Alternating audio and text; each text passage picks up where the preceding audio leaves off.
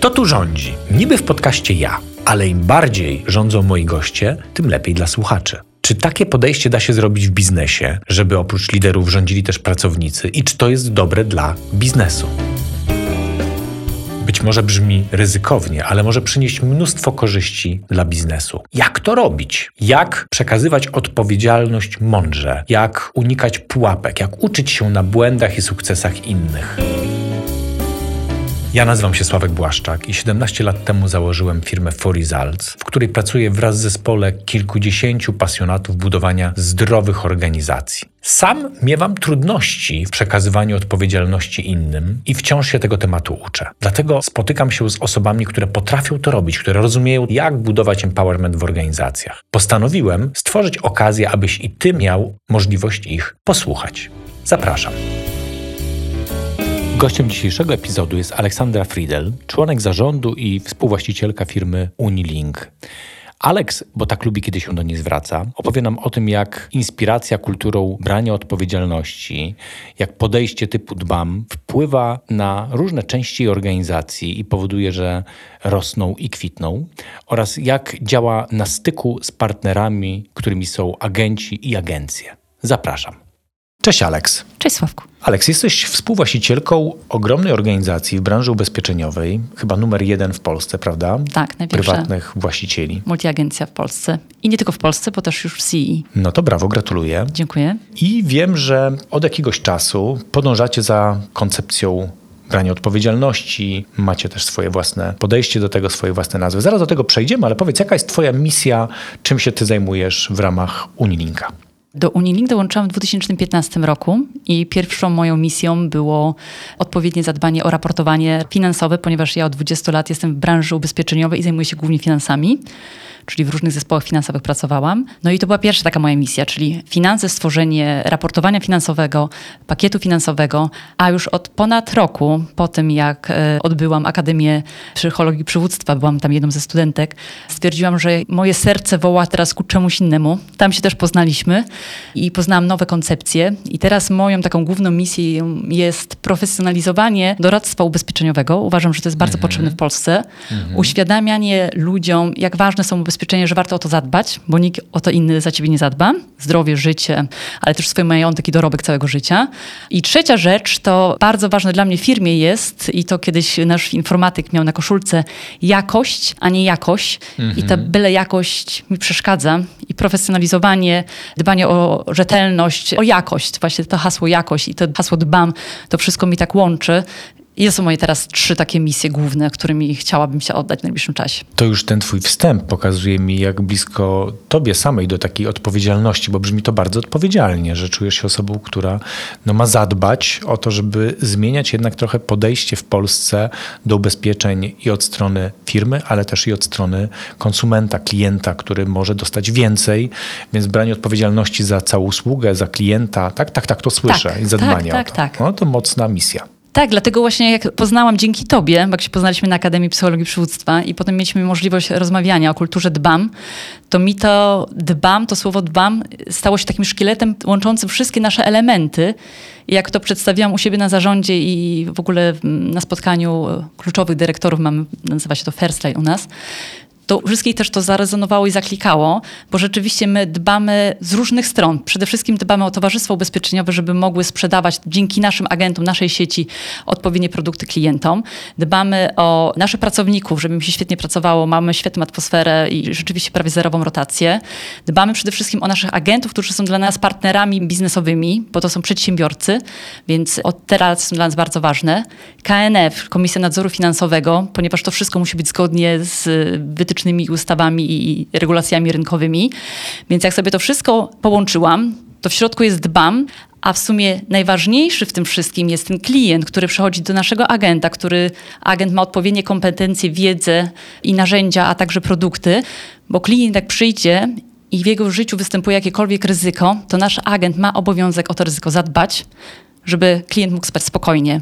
I to jest takie strasznie ważne, bo mało ludzi o tym mówi i w ogóle mało się mówi o rynku, że ubezpieczenia są po to, żeby chronić ciebie, a często się pokazuje tylko takie przypadki, że no, mm, odszkodowanie zostało zaniżone albo jakieś tam inne, takie negatywne przykłady się pokazuje, a przede wszystkim ubezpieczenia mają chronić i mamy bardzo dużo przykładów takich, że jeżeli ktoś kupił polisy na przykład Best Doctors czy Global Doctors i zachorował na nowotwór, to wtedy ma światową usługę medyczną i pomaga ci wrócić do zdrowia. A to jest raptem 115 zł, tylko o tym nikt nie wie. Ja też się dopiero dowiedziałam o tym, jak mój tata na nowotwór zachorował. I dopiero wtedy o siebie zadbałam.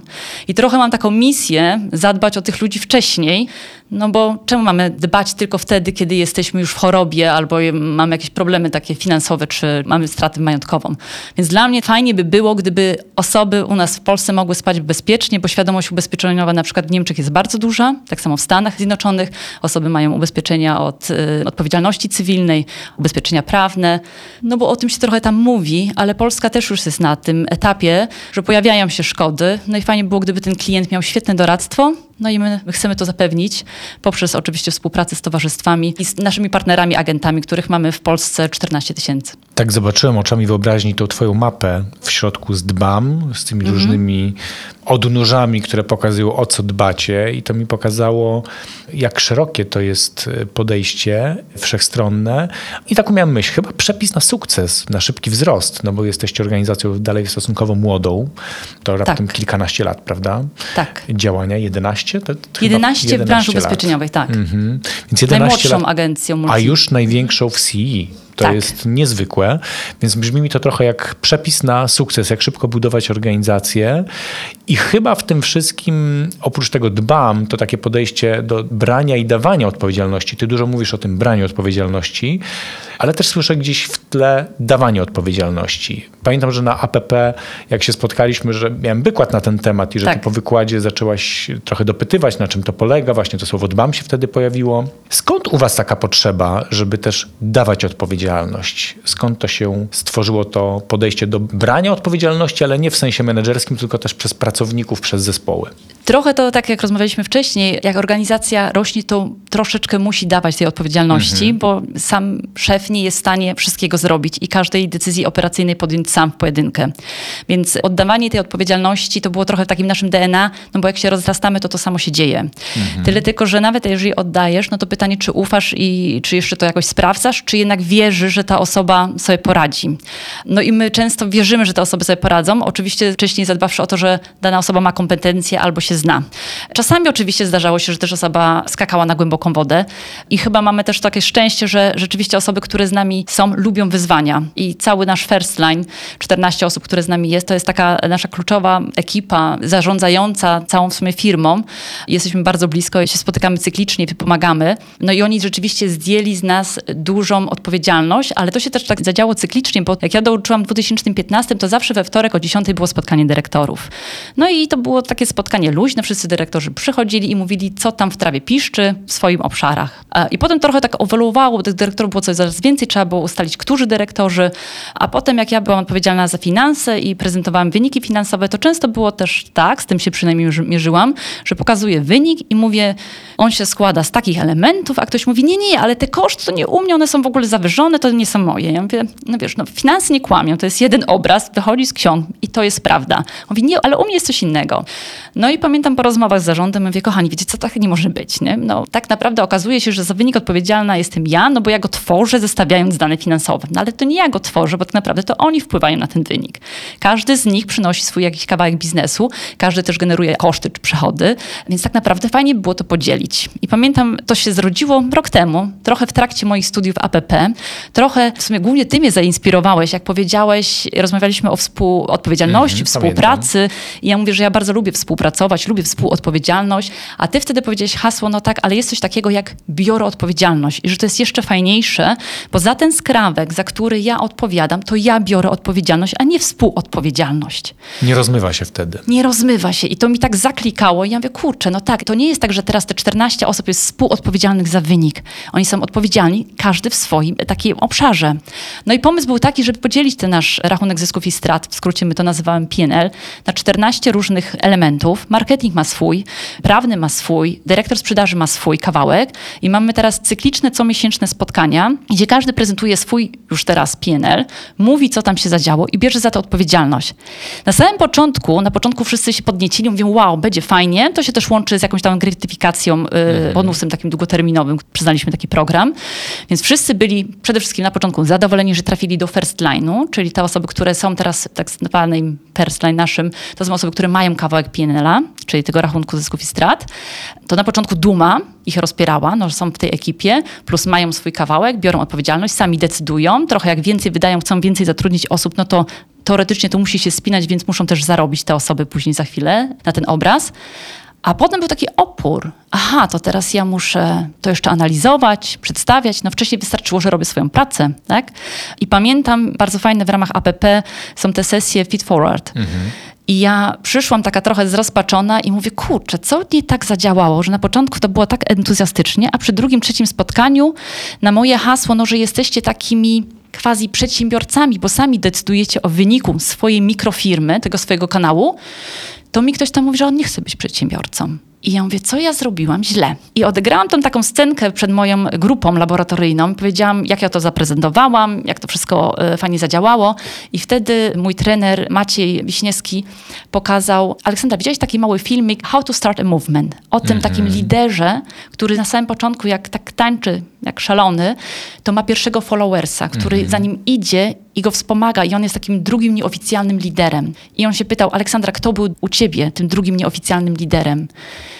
I dla mnie to było też takie odkrycie, no nie zadbałam o to do końca. Mm -hmm. I moim kolejnym przemyśleniem było, że to ja teraz o to zadbam w postaci zorganizowania wyjazdu First Line, przybliżenia im jeszcze raz, o co chodzi, jakie mają narzędzia, wytłumaczenie, nauczenia ich jeszcze podstaw takich trochę finansowych. Czyli jesteście na takiej drodze, kiedy to się zaczyna dziać, taki efekt trochę kuli śnieżnej. Tak. Super, to, to gratuluję. I my podczas tego naszego spotkania już sporo powiedziałaś o tym, jak to wewnętrznie, jak się uruchomiło, skąd się wzięło, jak to wewnętrznie wygląda. Zapytam cię jeszcze o, mhm. o to, gdzie jeszcze wewnętrznie dobranie odpowiedzialności się dzieje, a drugi taki wątek, który w drugiej części poruszymy, to są agenci. Tak. Czyli wasi partnerzy biznesowi, którzy no, w tej branży nie zawsze mają taką przestrzeń do współpracy, nie zawsze ktoś o nich zadba, a wy macie taką chyba myśl, która za tym stoi, że jak wy o nich zadbacie, to oni też zadbają o klienta, czyli staną się też nośnikiem tej twojej misji, waszej misji, którą gdzieś na początku przedstawiałeś, więc temu też poświęcimy więcej uwagi, ok? Oczywiście. Super. No to teraz jeszcze chwilę o tym, co się w środku waszej organizacji dzieje, jakie są te inne programy, inicjatywy, które są nośnikiem tej kuli śnieżnej wewnątrz organizacji brania odpowiedzialności. Nośnikiem kuli śnieżnej jest to, dużo organizacji to ma, ale ponieważ my jesteśmy firmą prywatną, my dopiero od dwóch trzech lat mamy wdrożoną ocenę pracowniczą, y, gdzie jest ocena roczna, ale też jest śródroczna i to jest taka głównie przestrzeń do porozmawiania ze swoim pracownikiem, bo to na co dzień się nie dzieje i że można było sobie dać feedback. I to się odbywa w takiej luźnej trochę atmosferze i dzięki temu już kilka osób nawet zmieniło swoją rolę, bo okazało się podczas tej rozmowy, że on teraz czy ona zapałała miłością do liczb, chciałaby być w finansach albo w Departamencie Partnerów Strategicznych, albo właśnie teraz jak się rozwija u nas Unipartner, to tam i rzeczywiście u nas nie ma odejść, są raczej rotacje wewnątrz mhm. Unilinka bo osoby czują teraz jakiś nowy pomysł na siebie, plus organizacja cały czas się rozrasta i tworzone są nowe miejsca pracy. To jest jedna rzecz. W ramach... Ja tylko do niej nawiążę krótko, mm że ja rozumiem, że odpowiedzialność tutaj polega na tym, żeby ludzie brali odpowiedzialność za swój rozwój w tak. organizacji, tak? Że tak. to jest to, że oni są kowalami swojego losu tak. w tej organizacji i choć rozmowa oceniająca czy ocena okresowa brzmi poważnie, to ty parę, to chcę podkreślić, użyłeś takich słów, zrobiliśmy ją nieformalną, zrobiliśmy ją luźną. Tak. Czyli spowodowaliście, że to jest tak naprawdę okazja do dialogu, w którym ten lider się dowiaduje więcej i robi bardziej takie stay in interview, co motywuje, co angażuje, co daje satysfakcję i powoduje, że ci pracownicy w tej organizacji mogą dalej się rozwijać, ale to de facto pracownicy biorą odpowiedzialność, bo to oni muszą powiedzieć, oni muszą chcieć, oni muszą mieć inicjatywę i energię, żeby się rozwijać w tej organizacji. I mają taką też możliwość, bo my ich słuchamy i mogą otwarcie powiedzieć. To nie jest tak, że jak okay. osoba mi powie, że ona już się dzisiaj nie widzi w sprzedaży, to ją za chwilę zwolnię. No to się mm -hmm. pytam, to gdzie się widzisz, mm -hmm. tak? I każdy ma szansę przejścia do, do innego zespołu, jeżeli ma taką teraz okazję, możliwość, chęć. Oczywiście mamy też takie typowe ścieżki, jak na przykład ktoś u nas pracuje w placówce własnej naszej, mamy 54 placówki, no to tam jest łącznie chyba ponad 110 osób, które pracują w placówkach, no to one mają swoją ścieżkę rozwoju, tak? Zaczynamy od młodszego asystenta, potem specjalisty, starszego, aż do menadżera niejako placówki, więc mamy też zaplanowane ścieżki oczywiście, ale tak naprawdę to zależy bardzo mocno od pracownika, co on by chciał robić i gdzie się widzi. Super. I co nam jeszcze bardzo fajnie wyszło, wyszedł nam program mentoringowy, ponieważ ja sama byłam raz mentorem, raz byłam mentee i stwierdziłam, że dzielenie się wiedzą, zwłaszcza po APP, gdzie tej wiedzy mam ogrom, to chciałam, żeby to się działo u nas w organizacji. Jestem też na tym takim etapie, który sprawia mi wielką frajdę dzielenie się wiedzą. I zaplanowaliśmy z Mateuszem, moim szefem HR, program mentoringowy. Zaprosiliśmy na początku jako do mentorów to głównie zarząd i dwie osoby z Firstline, które miały taką gotowość. No i każdy z nas miał maksymalnie po dwie osoby mentee. Rozpisaliśmy cały program, on się w zeszłym roku skończył i teraz jestem na studiach podyplomowych z coachingu i mentoringu i w ramach tych studiów trzeba było przygotować program mentoringowy. Mieliśmy wytyczne, w ogóle cała ideologia, jak się to wszystko tworzy. I jak przyszłam do Mateusza, Mateusz, zobacz, takie są wytyczne odnośnie naszego programu i my wszystko zrobiliśmy by the book identycznie tak, jak tam było, a w sumie nie mieliśmy takiego drogowskazu. Jedynie co, ale to jeszcze udało nam się o to zadbać, celebracje po zakończeniu programu, to my mieliśmy w planach po prostu rozdanie statuetek, dyplomów, takich kończących ten program, a by the book tam było, żeby to było trochę bardziej huczne. No to wtedy zrobiliśmy taką miłą, fajną kolację w teatrze i, i wtedy rozdaliśmy tam te statuetki i rzeczywiście osoby były dumne, że ten program ukończyły i bardzo pozytywnie się wypowiedziały, bo okazało się, że ponieważ program był tak stworzony, że mentor mentorem nie może być bezpośredni przyłożony albo w ogóle członek zarządu z danego działu, to połączyliśmy taką niewidzialną nicią osoby z przełożonymi czy z, z członkami zarządu z innych działów między sobą i stworzyła się kolejna taka siatka. Ja miałam osoby z operacji, miałam osobę jedną ze sprzedaży i tak naprawdę na co dzień z nimi nie pracuję, mm, a teraz poznam ich punkt widzenia i on mnie bardzo wzbogacił. I tak samo jak teraz osoby z finansów mają osoby inne w mentee, to widać, że zrozumienie swojej pracy nawzajem rośnie. I jest świetny ten program i po prostu jest teraz druga edycja. Osoby bardzo chętnie do tego przystąpiły. Jeszcze więcej osób z First Line'u się zgłosiło, bo chciałoby spróbować swojej roli, siebie w roli mentora. A do Menti w ramach tej naszej oceny rocznej mamy też taki program talentów, że te osoby, które no, wybiły się, podbijały jakieś nowe wyzwania, to nazywamy talentami i one mają możliwość, jeżeli są gotowe, chcą skorzystać, one są w pierwszej kolejności do tego mentoringu. Mogą zgłosić się. Zasada jest taka, że nie wybierają mentora, to my łączymy w pary, patrzymy patrząc kompetycyjnie, jakie kto ma cele swoje rozwojowe, bo tak też jak zaczęliśmy, są oczywiście różne metodologie łączenia menti z mentorem, ale stwierdziliśmy, że taka jest najlepsza, patrząc na to, jakie są też programy mentoringowe oferowane na rynku, że to się sprawdza. Więc robimy sporo, coraz więcej dla naszych ludzi, a teraz mamy świeżo e, pozyskaną osobę do obszaru HR i Monika robi świetną pracę, między innymi dzisiaj mieliśmy szkolenie z well-beingu w organizacji i z well-beingu ogólnie, dbania o siebie i okazało się, że my bardzo dużo jednak tych punktów świadomie, nieświadomie mamy odtikowane, mhm. jeżeli chodzi o organizację, bo te osoby, które są od początku dalej są i są bardzo zmotywowane. Dlaczego? Dlatego, że za każdym razem, mm, nawet wracając z urlopów macierzyńskich, one wchodzą niejako do nowej organizacji, bo ona jest z każdym rokiem większa, nowe działy się tworzą i one mogą podjąć nowe wyzwania. I takie właśnie dwie dziewczyny, które dzisiaj były na szkoleniu, które dwa razy wracały po okresie macierzyńskim z powrotem do firmy, podejmowały nowe wyzwania. No i te wyzwania są coraz większe, bo tak naprawdę rosną z organizacją. To ja tak króciutko podsumuję. Dużo wątków się pojawiło, ale to mhm. zrobię możliwie najkrócej. Wasz przepis, jak go słyszę, to jest tak dbam jako jedna taka z kluczowych podejść, wartości, taka, takie meta hasło trochę, wokół którego wiele rzeczy się uruchamia i uruchomiło już w organizacji, to jest ta mapa wokół dbam, prawda? Z drugiej strony bardziej branie odpowiedzialności niż współodpowiedzialność, czyli coś, co spowoduje, że to się nie rozmywa. Tak. Kolejna rzecz to danie odpowiedzialności ludziom za ich własny rozwój, Wątek, który się jeszcze pojawił przy okazji mentoringu, to też jak zadbać o to, żeby dalej ludzie brali odpowiedzialność za swój rozwój, mentoring w tym pomaga, ale z drugiej strony, jak robić takie crossowe połączenia nieformalne, struktury macierzowej bardziej dzięki takim programom jak chociażby mentoring, bo wyzwaniem w tej kulturze odpowiedzialności, jak ludzie biorą odpowiedzialność, to jest jak, żeby nam się silosy nie robiły, czyli tylko Tak. żebyśmy lepiej rozumieli, co się dzieje w tych innych częściach organizacji i jak robić linki pomiędzy zespołami, lepszym rozumieniu tego, co się dzieje, prawda? To jest też ważne Tak. w kulturze odpowiedzialności. Na tym wiele organizacji się wywraca, że im się silosy po prostu robią, a Tak. to jest antysilosowe. I antysilosowy jest jeszcze dzięki temu, to znowu rzecz z APP, bardzo mi się podobał wzór na konflikt i na rozwiązywanie Mhm. konfliktu. I tam było tak, że jeżeli temat jest ważny, temat Tak. jest powtarzający się i osoba jest ważna, nie zakopujemy tematu pod dywan, tylko Mhm. się konfrontujemy. No i tam oczywiście były schody do nieba, różne mod- Tak. modele konfrontacji. Chodzi o to, żeby nie udawać, że tego nie widzimy. A byłam w różnych organizacjach, że właśnie jak były silosowe takie konstrukcje, albo różni członkowie zarządu się za bardzo nie lubili, to każdy się okopywał i swoje cele realizował, a nie patrzył o celach firmy w ogóle wspólnych, czy coś się tam zazębia. Więc my teraz tak naprawdę, jak widzimy, a zdarzają się pewnie i zdarzają w każdej organizacji mini konflikty, bo sprzedaż ma taki cel, a finanse mają inny, a na przykład marketing ma jeszcze inny, no to my się próbujemy jednak łapać zespołowo takie dodatkowe spotkania. Mówi, no dobra, kochani, ale mm, tu chcecie, żebyśmy brandowali, a nie macie podpisanej umowy, więc tak naprawdę my robimy dużo projektów, a jeszcze nie wiemy, czy nasz partner będzie chciał się obrandować, więc robimy sobie takie wąskie gardła, jak to możemy rozwiązać. No i tak trochę rzucamy ten temat na stół, mówi, jak to możemy rozwiązać, bo temat jest powracający i widać, że jeżeli to się go y, nie zaadresuje, to on po prostu się rozrasta i za chwilę mogą być takie właśnie okopywania się, które nie sprzyjają rozwojowi. Czyli po raz kolejny silosy, ważny temat, jak z nimi walczyć i pracować. I kolejna warstwa naszej kuli śnieżnej się w ten sposób pojawiła. Zrobimy sobie teraz, Aleks, krótką przerwę, a po przerwie przejdziemy do tematu tego, jak ta kultura dbam, kultura odpowiedzialności kształtuje wam się w relacji z agentami. Dobrze. Kultura biorę odpowiedzialność to jedna z głównych specjalizacji firmy For Results. Propagujemy to podejście, wdrażamy projekty u naszych klientów. Jeśli jesteście zainteresowani zgłębieniem wiedzy na ten temat, zapraszam na naszą podstronę www.forresults.pl ukośnik bio.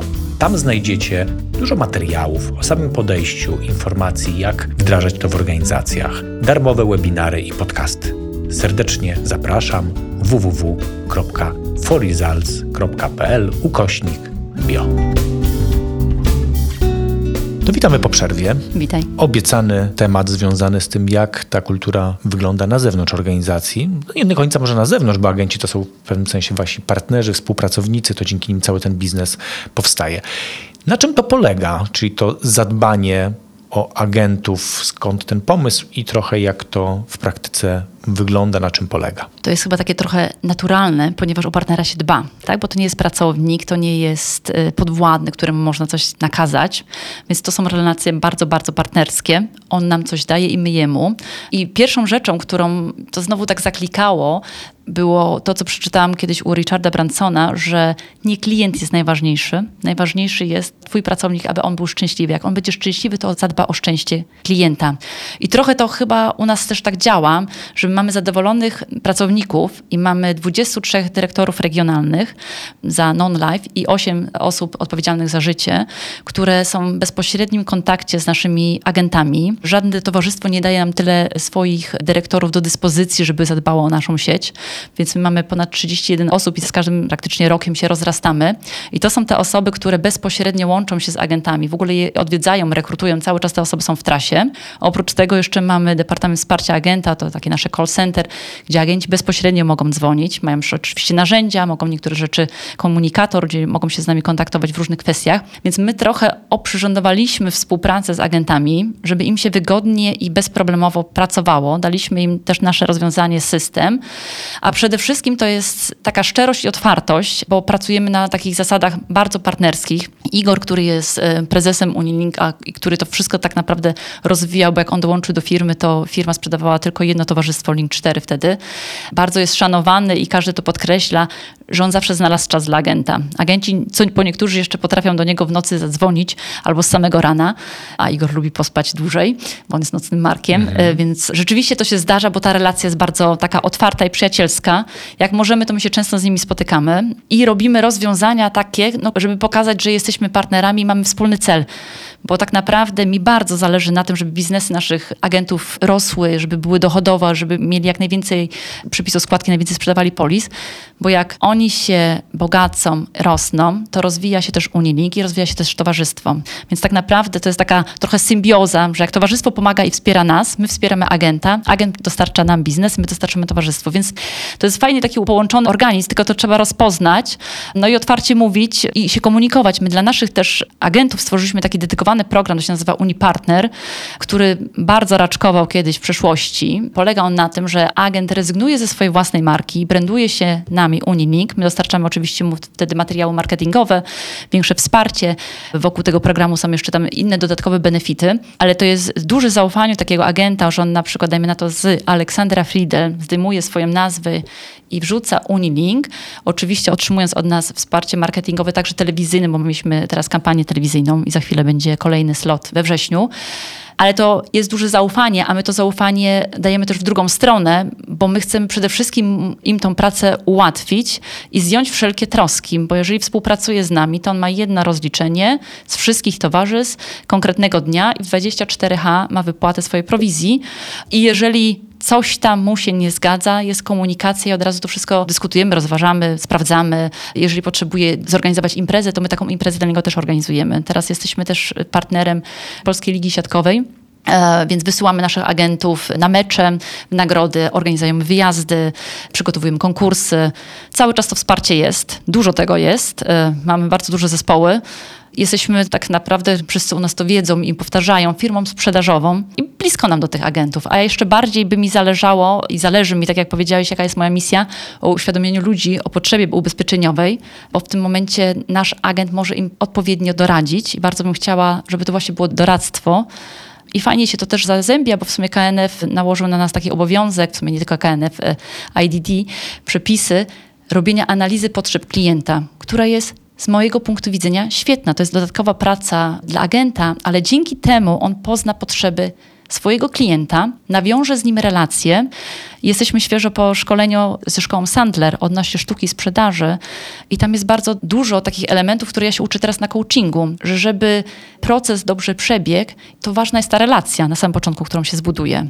Więc uczymy tego naszych agentów, chociaż oni tak naprawdę to wiedzą i mają intuicyjnie dobrze to robią, bo oni bardzo dbają o swoich klientów, tylko, że dla mnie ten klient kompleksowo powinien być obsłużony. Dzisiaj przychodzi ubezpieczyć obowiązkowo samochód, bo mm -hmm. musi mm -hmm. kupić OC, ale uczymy i szerzymy taki kaganek oświaty, żeby nasz agent zapytał, a jak ze zdrowiem, a jak życie, a jak pana majątek, a mieszkanie. E, to są takie pytania nie po to, żeby wcisnąć kolejną składkę, tylko zdarzało nam się bardzo dużo przypadków, że mieszkanie się spaliło, że ktoś miał wypadek, że dziecko sobie zwichnęło nogę albo grało w piłkę i w tym momencie osoba może skorzystać z opieki prywatnej i nie musi jechać na pogotowie stać mm, długie mm -hmm, godziny w kolejce. Mm -hmm, Więc to jest trochę o tym i to mi się znowu zazębia z tym dbam, bo ja mam tylko obowiązek zadbać o ciebie, bo nie chcę, żebyś miał później wyrzuty sumienia do mnie albo pretensje, że mi tego nie zaoferowałeś, bo mój tata, jak, już wspomniałam na samym początku, jak zachorował, to dopiero się wtedy dowiedziałam, że są odpowiednie ubezpieczenia, które mogłyby pewnie nie uratować, ale może jakoś pomóc i mieć, dać mi pewien komfort, że mój tata jest dobrze zaopiekowany medycznie. Mhm.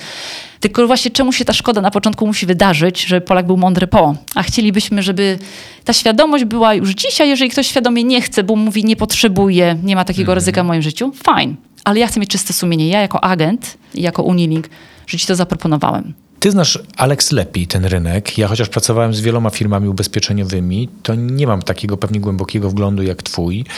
Ale chcę cię spytać, na ile wy się różnicie od innych towarzystw ubezpieczeniowych pod tym względem, tego podejścia do agenta, zadbania, właśnie budowania tej odpowiedzialności tutaj? Bo jak się rozmawia z firmami ubezpieczeniowymi, to wiele z nich twierdzi, że dba, że o różne rzeczy również w relacji z agentami potrafi zadbać. I pewnie na tym rynku wiele firm próbuje coś takiego zrobić. Jak ty sądzisz, czym wy się różnicie, jakbyś tak miała porównać was do innych agencji, które też mówią, że dbają? Czy my się różnimy? Pewnie każdy dba podobnie trochę, dając odpowiedni szereg, portfel mm, oferty mhm. ubezpieczeniowej. My dajemy największy, bo mamy największy, najwięcej towarzystw ubezpieczeniowych jako multiagencja dostępnych dla naszych tak. partnerów, więc na pewno mają wszystkie produkty, które są dostępne na rynku. Mhm. Na pewno dobre narzędzie, które pomaga im łatwo sprzedawać. Dostarczamy za chwilę aplikację kliencką. Takie narzędzia no, techniczne. Techniczne, takie, które pozwalają im najlepiej, najprościej, najmniej, mm, że tak powiem, tracąc czas i energię i emocje, wykonywać swoją pracę. Coś, co im ułatwia, upraszcza. Tak. tak? To jest jeden wymiar. Druga rzecz, która jest bardzo ważna z mojego punktu widzenia, no to sieć dyrektorów regionalnych. Żadna multiagencja nie ma takiej dużej sieci, bo to jest 31 osób, które codziennie jeżdżą po Polsce i mają kontakt z agentami.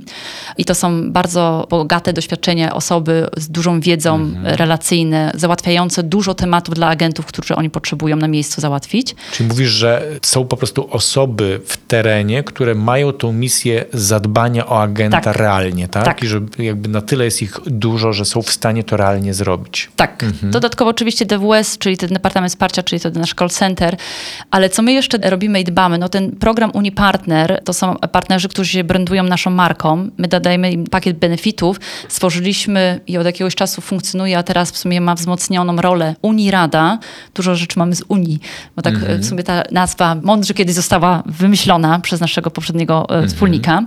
Jest Unirada i Unirada polega na to, że to jest głos agentów, wybranych agentów, którzy są Unipartnerami, którzy spotykają się u nas cyklicznie, mówiąc, czego potrzebują oni. Okay. Dlatego, że odrobiliśmy też tą lekcję domową, że my czasami w centrali wymyślamy, że przydałoby im się to, to, to. Robimy dla nich jakieś skomplikowane narzędzie technologiczne, oni potem z tego nie korzystają. I my mówimy, to my się napracowaliśmy, wy nie korzystacie, jak to zaimplementować, a potem się okazuje, ale oni by chcieli mieć może inną funkcjonalność, albo oni potrzebują na przykład takiego narzędzia, albo takiego rozwiązania.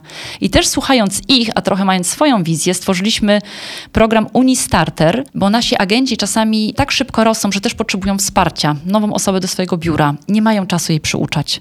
Więc nasz program Unistarter we współpracy z innymi czterema towarzystwami polega na tym, że my taką osobę im przyuczymy. Robimy najpierw sesję taką e-learningową, dbamy o dostępy sprzedażowe do towarzystw, a potem mamy całotygodniowy taki zjazd, stacjonarne szkolenie i potem jeszcze takie coachingowe sesje, że my jesteśmy w stanie osobę, która nigdy nie miała do czynienia z ubezpieczeniami, wyszkolić, żeby nasz partner miał nowego pracownika, a on już nie musi na to tracić czasu. No bo to jednak jest czas, wysiłek, a czasami ktoś może się na przykład później rozmyślić, bo stwierdzi, że ubezpieczenia to nie jest ta bajka, której chciałby spędzić więcej czasu. Fajny przykład, który podałaś, czyli że nie wymyślacie od góry, co tam by się przydało, bazując na własnych doświadczeniach, które umówmy się, im bardziej jesteś w coraz większej organizacji, tym mniej masz dostępu do pola i do tego, co się tak realnie dzieje w relacji z tym klientem ostatecznym. Tak. Więc dajecie im tu władzę, wpływ, żeby to oni decydowali, czego potrzebują i w którą stronę rozwijać waszą współpracę i relacje.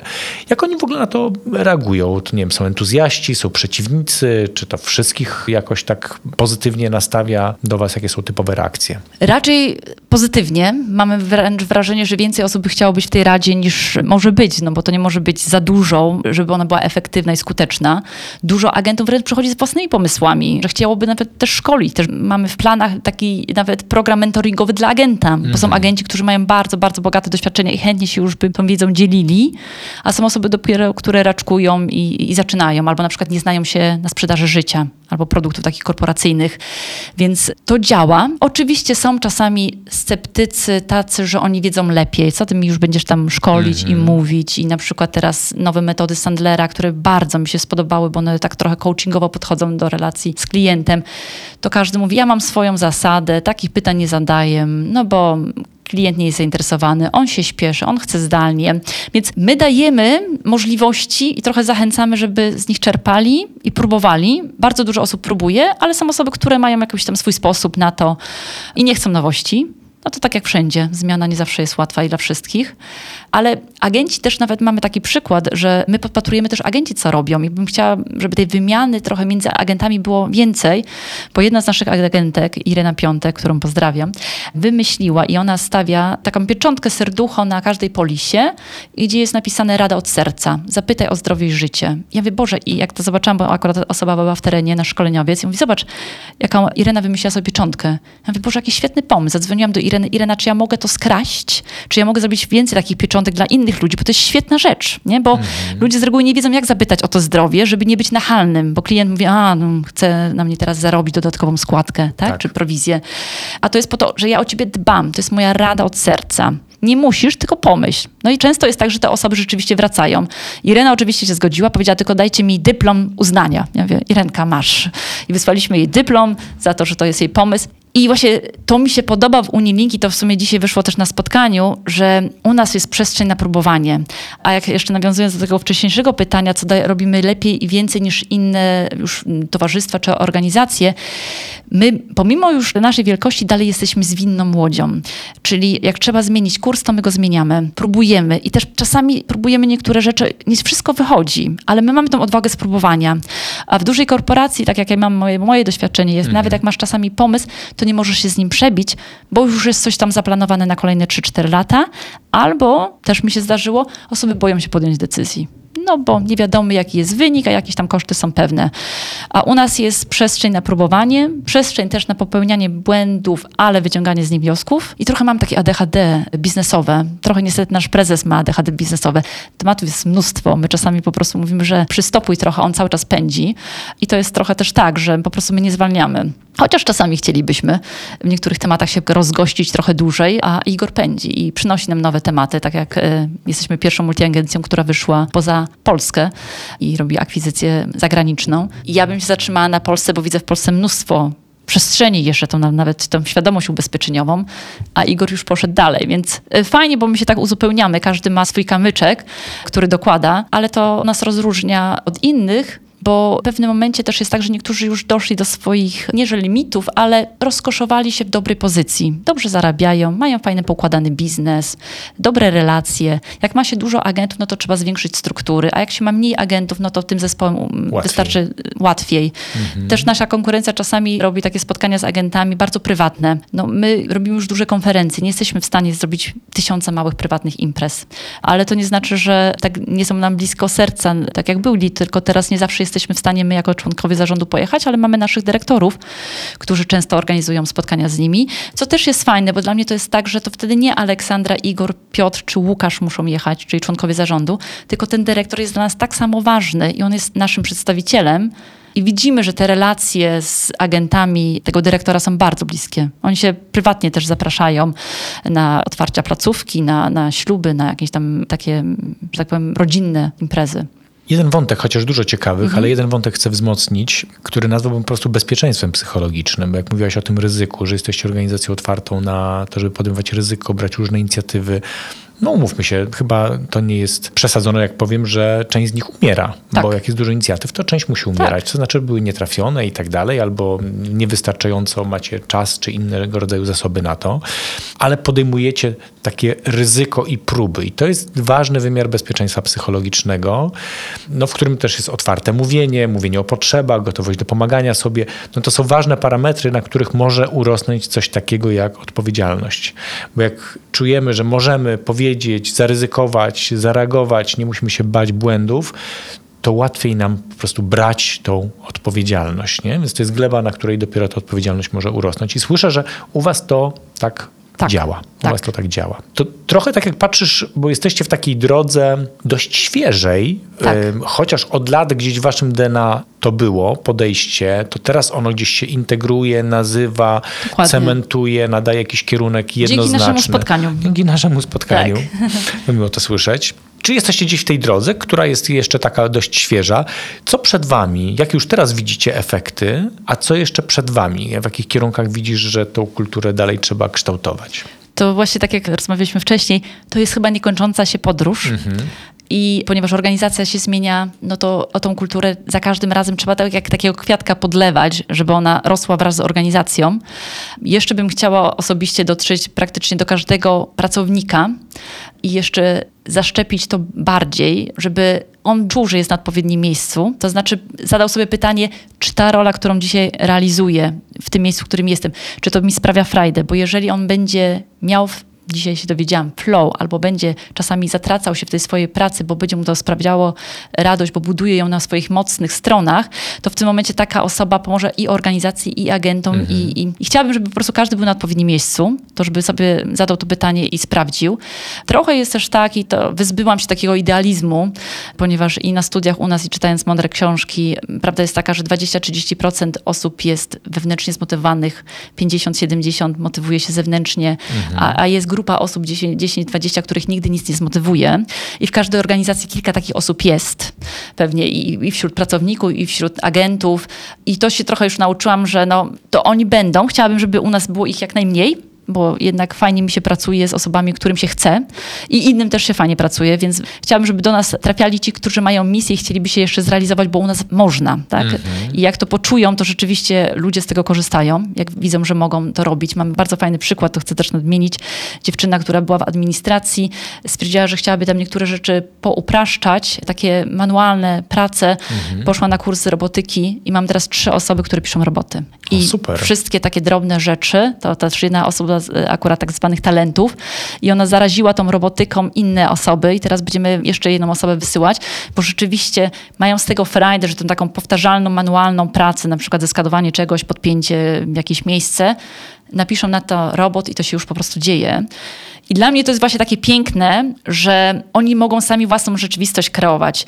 I jak jest to dla mnie inne i lepsze i piękniejsze niż od tego, co kiedyś miałam możliwość obserwowania w Link 4. Miałam zespół księgowy pod sobą też między innymi i na jednym z takich spotkań, bo lubię inspirować i motywować do rozwoju, mieliśmy takie spotkania z każdą z pracownic i, i z jedną z nich się pytam, no i gdzie byś się widziała za parę lat? Ona mówi, tu gdzie jestem.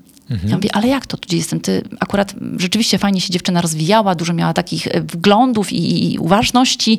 Ja mówię, a nie chcesz być na przykład zastępcą głównej księgowej albo za chwilę główną księgową? On mówi, nie, nie, nie, tu gdzie jestem jest fajn. E, poza tym ta odpowiedzialność, to, to, to ja jej nie chcę. I ja się wystraszyłam, bo potem oni powiedzieli, że oni w ogóle, jak już to, żebym ja zaplanowała za nich ścieżkę rozwoju. I sobie tak myślę, że szkoda i tracą takie osoby, jeżeli oni czekają na to, że ktoś za nich to zaplanuje. Więc fajnie było i ja się cieszę, że u nas w organizacji jest trochę inaczej, że to jednak osoby takie prężne i dynamiczne przychodzą. I też przychodzą do nas osoby z branży, z innych towarzystw, widząc, jak u nas się to dzieje, że u nas rzeczywiście można i można popróbować różne rzeczy. Więc chciałabym, żeby ta kultura dbam, biorę odpowiedzialność dotarły do każdego naszego pracownika, a do agentów bym chciała, żeby ta kultura dbam, dbam o swój biznes poprzez to, że zadbam najpierw o klienta, tak? bo ja chcę mu przede wszystkim zadbać o jego bezpieczeństwo, bo jest ryzyko, jest ubezpieczenie. I tylko trzeba tego klienta uświadomić, żeby on mógł spać spokojnie i że jak zachoruje, to wie, że ma dobrą polisę ubezpieczeniową, żeby nie było tak, że potem trzeba robić zrzutki albo jakieś inne akcje, bo o to się wcześniej nie zadbało. To chciałabym z tą misją trafić do każdego agenta, że dbanie o klienta to jest taka trochę nasza powinność, żebyśmy mieli czyste sumienie, a dbanie o pracowników, dawanie im przestrzeni do wzrostu, no to to jest coś, co w naszej organizacji, żeby było silne i żeby każdy wiedział, ale też brał odpowiedzialność za własne czyny. I na to mi zależy, żeby się nie oglądał i nie patrzył na to, że dobra, to może ktoś inny. To, to biorę odpowiedzialność jest dla mnie też bardzo ważne. Dwie myśli po takiej twojej wypowiedzi teraz. Pierwsza to taka, że ciebie słucham i mam tu okazję nawet widzieć, mm, co nie zawsze przy nagrywaniu podcastów jest możliwe. Ja się tutaj cieszę, że cię też widzę to widzę tą pasję. I tak jeszcze raz poczułem, mam taki fajny, namacalny dowód, jak to posiadanie własnej misji i takiej no, realizacji tej misji w codziennym działaniu, jaka to jest energia, ile można wtedy zdziałać, bo ty, tak słychać u ciebie tą pasję, Alex.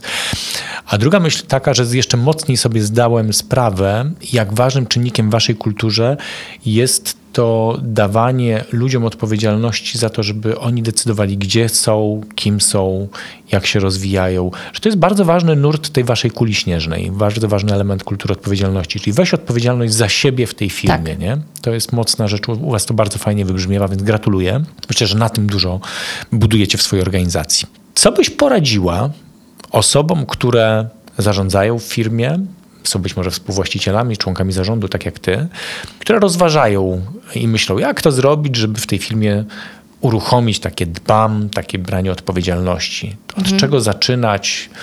Wspominałeś wcześniej film z Derekiem Siversem mi się przypomniał, czyli jak uruchamiać ruch społeczny. Tak. Jakie miałabyś porady, patrząc na wasze doświadczenia, bo być może coś też się nie udawało? Różne są strategie. Też się spotkałam z taką wypowiedzią, że jeżeli ja tworzę własną firmę, to jest moja firma, to chcę, żeby było po mojemu. No, no, i jeżeli osoba ma taki mindset, no to jak chce, żeby było po mojemu, to z reguły więcej kontroluje i sprawdza, tak.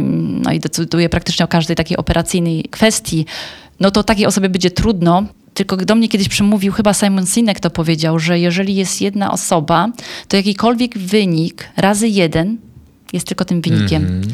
Jeżeli tych osób jest więcej, 3, 4, 5, to 5 razy na przykład 100, to już jest 500. Czyli mm -hmm. nie mhm. jeden razy 100 jest 100, bo to jest mnożone przez jeden daje tylko tam jeden rezultat, mhm. prawda?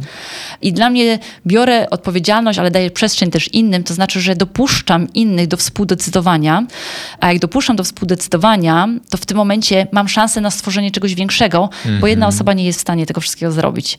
I też słuchałam takiego wywiadu, bo często słucham różnych podcastów i, i z Doliny Krzemowej jeden z przedsiębiorców y, już dużej organizacji powiedział, że jego największym błędem było to, że przez pierwszy rok, dwa myślał, że w pojedynkę zdziała Mhm. Wszystko, bo on wiedział, on miał wizję i tłumaczenie komuś innemu tego wszystkiego by zajęło zbyt dużo czasu.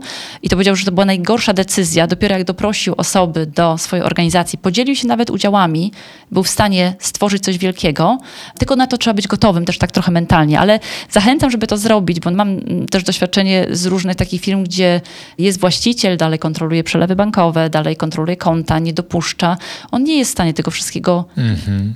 Nie rozwinie tej organizacji. Tak, no nie, nie jest w stanie wdrażać nowych strategii czy nowych pomysłów, no bo ma bardzo dużo bieżących tematów, których musi się zająć.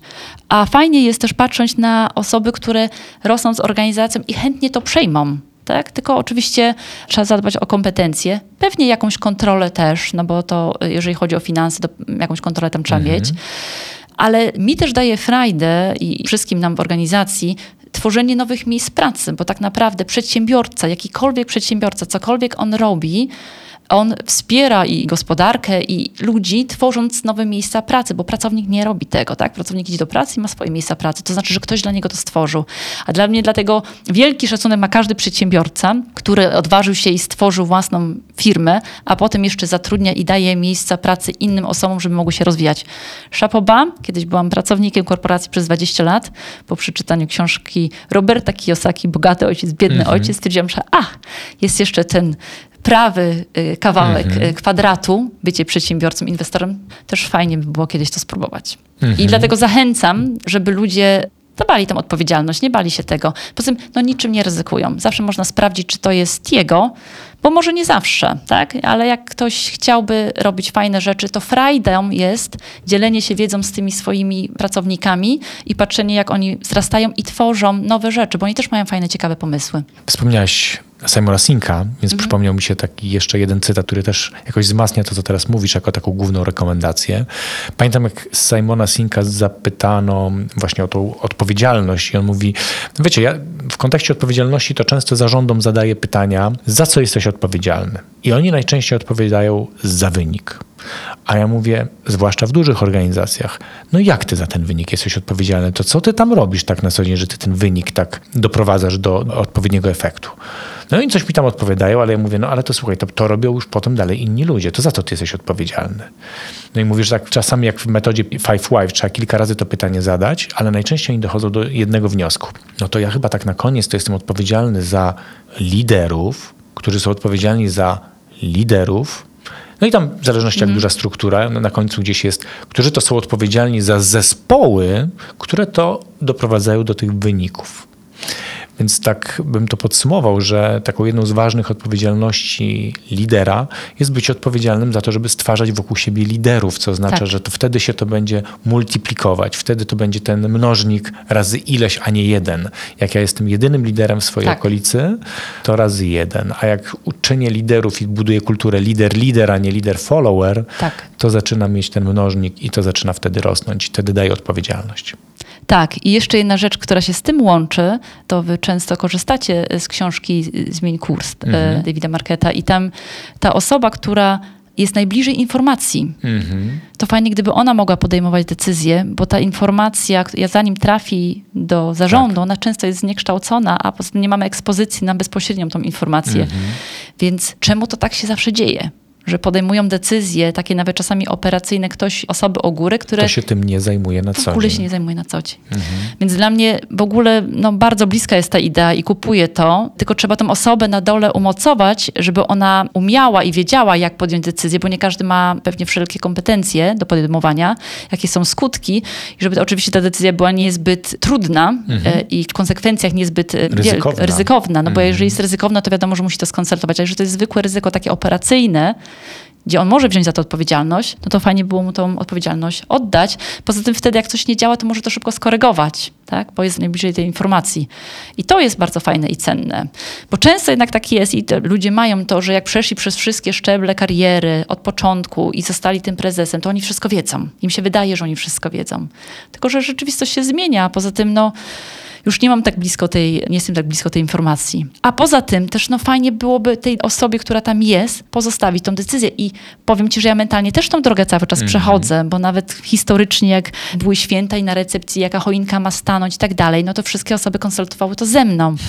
Aż po w pewnym momencie powiedziałam, że ja nie chcę brać za to odpowiedzialności. To jest twoja recepcja, udekoruj tak, żeby było ładnie. Raz się zdarzyło, że nie do końca mi się to podobało, nie moje barwy, nie kolory, ale z drugiej strony bardzo uwolniające dla mnie było nie musieć uczestniczyć w tym procesie decyzyjnym, jakie będą bombki. I klucz to chyba powstrzymać się przed komentarzem, że to nie moje kolory Tak. i nie moje klimaty, prawda? Tak, Bo tak. To jest chyba najważniejsze. Aleks, bardzo Ci dziękuję za tą rozmowę, za taki bardzo żywy przykład, jak na co dzień z dużym poczuciem misji osobistej wprowadzać kulturę, w której uruchamiamy coś na szerszą skalę, dzięki temu, że dajemy ludziom odpowiedzialność. Bardzo Ci dziękuję. Również bardzo dziękuję. Jeśli chcecie podyskutować o tym odcinku, zasugerować mi, o czym powinien być kolejny, to zapraszam Was do kontaktu mailowego. Mój adres to slawek.blaszczak małpa forresults.pl Czekam na Wasze opinie, komentarze, sugestie. Do usłyszenia w kolejnym odcinku.